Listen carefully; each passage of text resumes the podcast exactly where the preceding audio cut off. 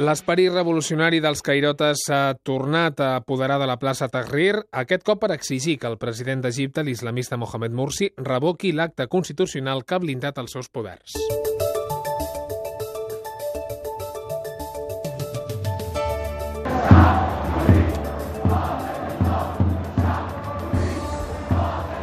Però els milers de manifestants complien a vessar l'emblemàtica plaça i els voltants també recriminaven als islamistes l'ànsia per dominar tots els ressorts del poder.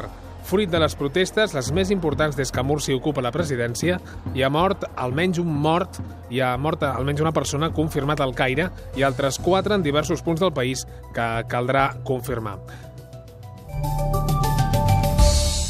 Al Caire, a la plaça Terriri, tenim els nostres enviats especials, la Maria Alba Gilabert i en Jordi Just. Maria Alba, Jordi, molt bona nit.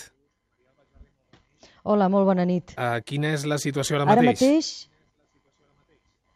ara mateix als voltants de la plaça hi ha enfrontaments entre manifestants i agents de l'ordre. Hi ha llançaments de pedres, de gasos lacrimògens, eh, els mateixos gasos que a primera hora de la tarda causaven la mort d'un militant de l'Aliança Popular Socialista, mort asfixiat.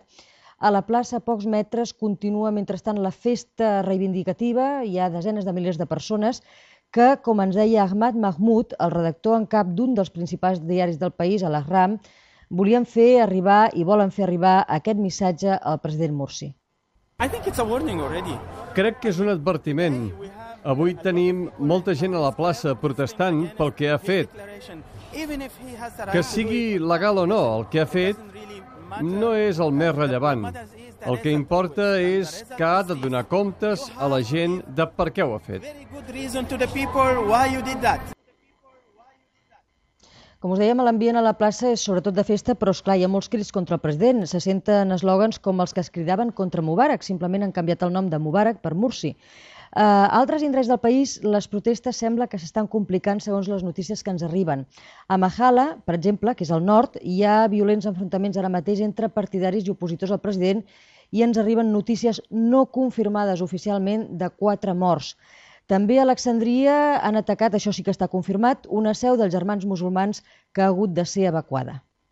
Això és el que ha passat avui, el que està passant ara mateix. Maria Alba, a partir d'ara què? Aquesta és una pregunta que hem fet a molta gent a la plaça, perquè, és clar, aquí hi ha molta gent protestant, però el president ningú creu que faci marxa enrere.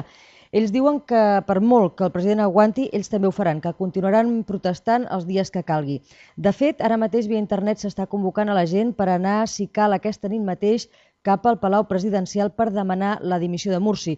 Més o menys eh, el, els fets, la pel·lícula dels fets que es va veure durant els dies que van provocar la caiguda del president Mubarak. Ningú creu que en aquest cas Mursi acabi dimitint, però sí que ara és un pols que tots voldran aguantar i que pot durar dies, si no setmanes.